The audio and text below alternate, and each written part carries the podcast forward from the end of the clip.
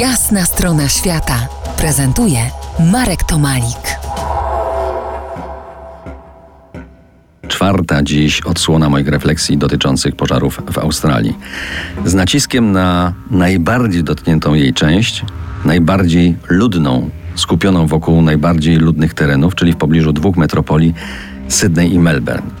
W poprzedniej odsłonie jasnej strony świata wspominałem o przesuszeniu lądów w tych terenach na skutek wzrostu średnich temperatur rocznych i nadmiernej eksploatacji zasobów wodnych. Teraz czas na refleksję nad innym ważkim problemem. Sprawa dotyczy kontrolowanego wypalania tzw. Ściółki leśnej, czyli gospodarki, uwaga, ogniem. Tak, ogień można powstrzymać ogniem. Trzeba tylko wiedzieć kiedy jak i gdzie wypalać.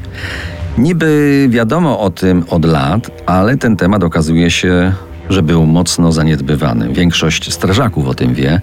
Niby wiedzą o tym zarządzający parkami narodowymi, ale najczęściej kończy się na tej wiedzy, bo brakuje funduszy, ludzi do pracy i profesjonalnie przygotowanych brygad, które będą robić to dobrze, skutecznie. Ale o co chodzi? Otóż najważniejszym paliwem dla dużego pożaru nie są wbrew pozorom nasączone łatwopalnymi olejkami eterycznymi liście eukaliptusów, który zdominował lasy w południowej Australii, ale ściółka leśna, opadające suche gałęzie, które nieusuwane stanowią paliwo rakietowe dla dużego pożaru, bo ogień najpierw idzie dołem, a dopiero potem, jak już się solidnie rozbucha, uruchamia górę i wtedy do strzelania płomieniami na 60 metrów może doprowadzić, a jak przywieje wiatr, staje się ten pożar nie do zatrzymania nawet przez najlepiej wyposażone brygady strażackie. Zresztą takich pożarów się w Australii nie gasi. Nie ma czym i nie ma jak.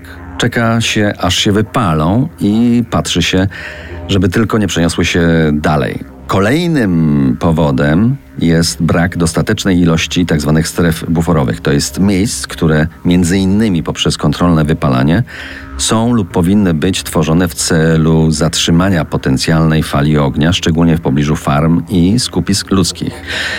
Kilkanaście lat temu byłem świadkiem, jak strażacy podpalali burz, z dymem szły kilkusetletnie tzw. Tak drzewa trawiaste. Wtedy nie rozumiałem, że tak ma być, że to ma sens, więc zatrzymałem swoje auto obok strażaków i pytałem, co robią i po co to robią.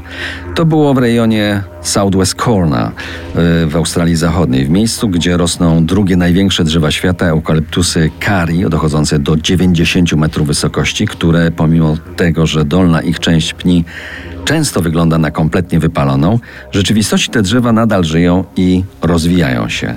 Za kilkanaście minut sięgniemy nieco innych zagadnień, tych bardziej medialnych. Spróbuję ostudzić w Was ten płomienny żar wywołany obrazami z ostatnich dni i tygodni w Australii. Zostańcie z nami po jasnej stronie świata.